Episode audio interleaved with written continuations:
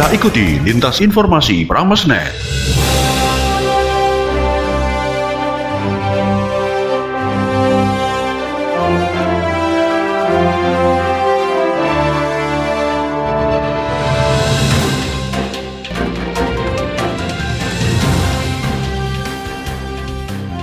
Selamat pagi, kita jumpa kembali dengan Lintas Informasi Pramesnet edisi Kamis 26 Agustus 2021 Bersama saya, Rima Ronggohadi. Siaran ini diikuti oleh 103,9 FM Prameswara Lamongan 104,5 FM Bahana Ngawi 90,6 FM Rasi Magetan dan 97,8 FM Radio Ronggohadi Lamongan Baik sobat, kami awali informasi dari Ngawi. Perkembangan COVID-19 di Kabupaten Ngawi sudah menurun. Selengkapnya kita sudah terhubung dengan reporter Radio Bahana Ngawi, Ardian. Ya, terima kasih dari Ngawi, Ardian melaporkan. Sobat, tingkat terisian ranjang perawatan di tempat fasilitas pelayanan kesehatan atau Fasiankes Kabupaten Ngawi menukik tajam. Bed occupancy ratio atau BOR berada di kisaran 30% dalam sepekan terakhir. Persentase ini separuh dari ambang batas aman 60% yang ditentukan oleh Badan Kesehatan Dunia atau WHO. Seperti diungkapkan oleh Oni Anwar Harsono selaku Bupati Ngawi, keterisian bed di Rumah Sakit Umum Dr. Suroto Ngawi, RS Widodo, RSI Atin Husada, dan RS Lapangan di Argo Teknopark atau ATP Ngerambe nyaris menyentuh 90% pada akhir Juni yang lalu.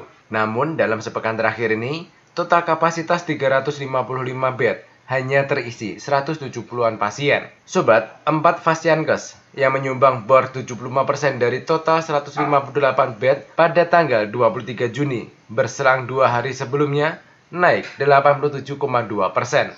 Dengan jumlah bed bertambah mencapai 220 tempat.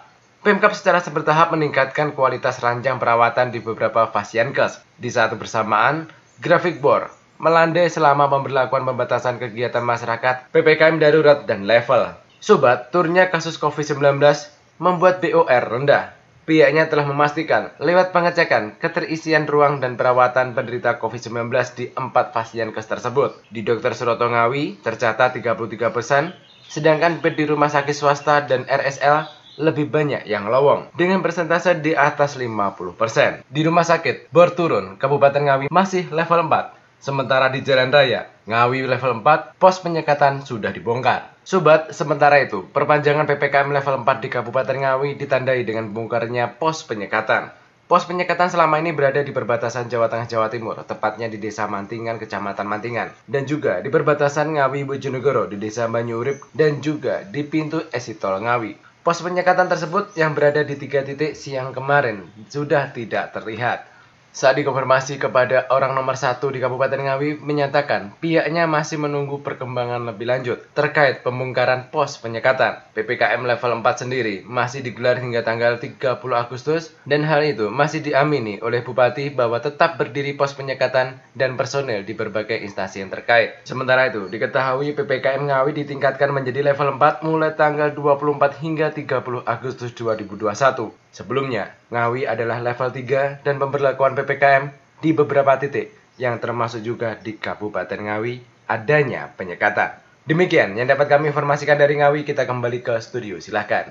Ardian reporter dari Radio Bahana Ngawi. Berikutnya kami menuju Prameswara Lamongan. Siswa SMP Negeri 2 Lamongan raih penghargaan Certificate Gold Award berkat memanfaatkan limbah kulit jeruk nipis jadi lilin aromaterapi. Selengkapnya kita sudah terhubung dengan reporter Radio Prameswara, Putri. Baik, terima kasih. Sobat, salah satu siswa kelas 8 SMP Negeri 2 Lamongan, Muhammad Haryo Mukti Wibowo, meraih penghargaan Certificate Gold Award Organization for Creativity Innovation and Invention Promotion atau OCIIP World IP Fair tahun 2021 di Nigeria, Afrika Barat. Penghargaan tersebut ia dapat berkat inovasinya menciptakan lilin aromaterapi dari limbah kulit jeruk nipis yang banyak dihasilkan penjual soto di Lamongan itu saya mempresentasikan aromaterapi, lilin aromaterapi.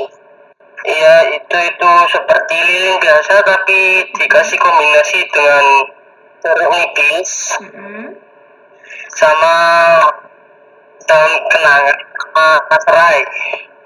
Ya ide awalnya itu dari banyaknya tukang soto di Lamongan itu banyak sekali membuang limbah jeruk nipis yaitu karena belum dimanfaatkan jadi saya mengakarnya dengan dikombinasikan dengan bunga kenanga dan serai sebagai aromaterapi. Rio, sapaan akrabnya, mengaku mengikuti ajang ini bersama tiga mahasiswa asal Indonesia. Total terdapat 24 negara yang mengikuti ajang penghargaan ini.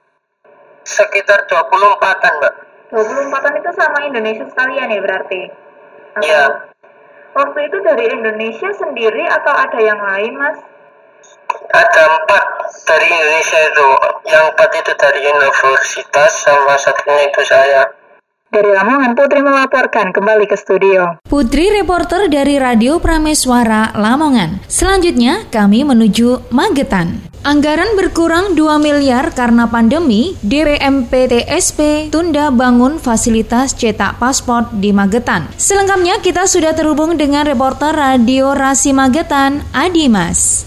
Baik, terima kasih Sobat. Masa pandemi COVID-19 membuat Dinas Penanaman Modal dan Pelayanan Terpadu Satu Pintu DPMPTSP Kabupaten Magetan mengalami pengurangan anggaran tahun 2021 hingga 2 miliar rupiah. Kepala Dinas Penanaman Modal dan Pelayanan Terpadu Satu Pintu DPMPTSP Kabupaten Magetan Sunarti Condrowati mengatakan anggaran 2 miliar tersebut rencananya untuk peningkatan sarana dan prasarana pada pelayanan imigrasi di Mall Pelayanan Publik Kabupaten Magetan sehingga untuk proses pencetakan paspor bisa dilakukan di Kabupaten Magetan. Jadi kalau dengan 2 miliar itu pencetakan paspor sudah bisa di sini. Nah, kalau sementara ini prosesnya ada di sini tapi pencetakannya masih di imigrasi. Imigrasi di, ya? Caruban. Caruban itu. Iya. Itu yang membedakan gitu Iya. iya. pergantung ya. Kalau yang lain mungkin kita bisa efisiensi aja. Tapi kegiatan semua bisa jalan. Iya, ya paling tidak lebih cepat.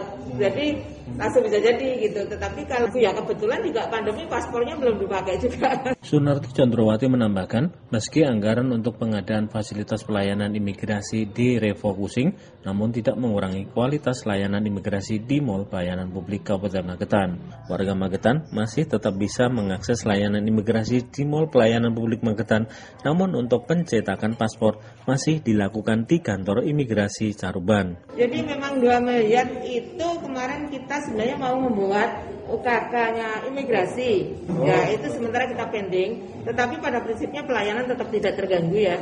Jadi kita masih melakukan pelayanan seperti imigrasi juga tetapi belum berbentuk UKK. Jadi tetap masih pelayanan di MPP eh, dengan pelayanan paspor dan bahkan nanti tahun depan ini kita tambah alatnya untuk pelayanan orang asing.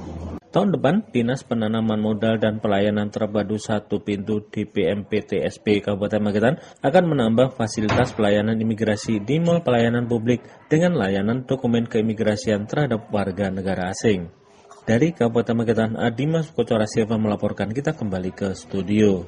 Adimas reporter Radio Rasi Magetan. Selanjutnya kita menuju ke Radio Ronggohadi Lamongan. Level PPKM turun, seniman Lamongan bakal gelar konser untuk pemanasan. Selengkapnya kita sudah terhubung dengan reporter Radio Ronggohadi Novi.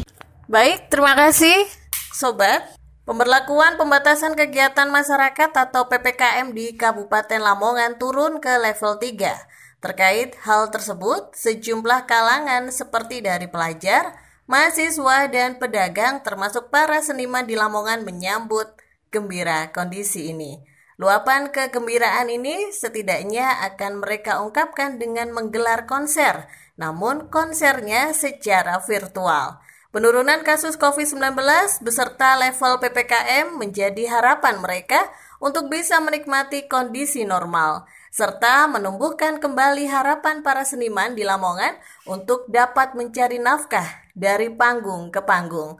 Bisa dimaklumi sejak meningkatnya kasus COVID-19 dan diikuti dengan PPKM berjilid-jilid, para seniman praktis tidak bisa mengaktualisasikan kemampuannya, menghibur, dan kehilangan mata pencaharian utamanya. Salah satu perwakilan seniman Lamongan, Ayu Ayunda, mengatakan bahwa mereka teman-teman musisi dan seniman saat ini yang lama tidak manggung karena dengan kondisi dan mulai membaik ini, mereka akan melakukan konser secara virtual. Rencana membuat konser virtual tersebut dirancang setelah menghadap kepada Bupati Lamongan, Yuronur Effendi untuk menyampaikan keluh kesah mereka saat terdampak penerapan PPKM. Para seniman Lamongan berharap dengan akan dilaksanakan konser virtual, mereka segera dapat manggung kembali, meskipun dengan berbagai pembatasan dan penyesuaian protokol kesehatan yang berlaku. Dari Lamongan, Novi melaporkan kembali ke studio. Novi, reporter dari Radio Ronggo Hadi, Lamongan. Demikian tadi, baru saja Anda ikuti lintas informasi Pramesnet. Siaran ini dapat Anda simak setiap Senin sampai Jumat pukul 10 pagi dan 16 petang. Saya Rima Putri dan redaksi yang bertugas mengucapkan selamat pagi, sampai jumpa. Demikian tadi telah Anda ikuti lintas informasi Pramesnet. Informasi ini dapat Anda simak di 103,9 FM Prameswara Lamongan, 104,5 FM Bahana Ngawi, 90,6 FM Rasi Magetan, dan 97,8 FM Ronggo Hadi Lamongan.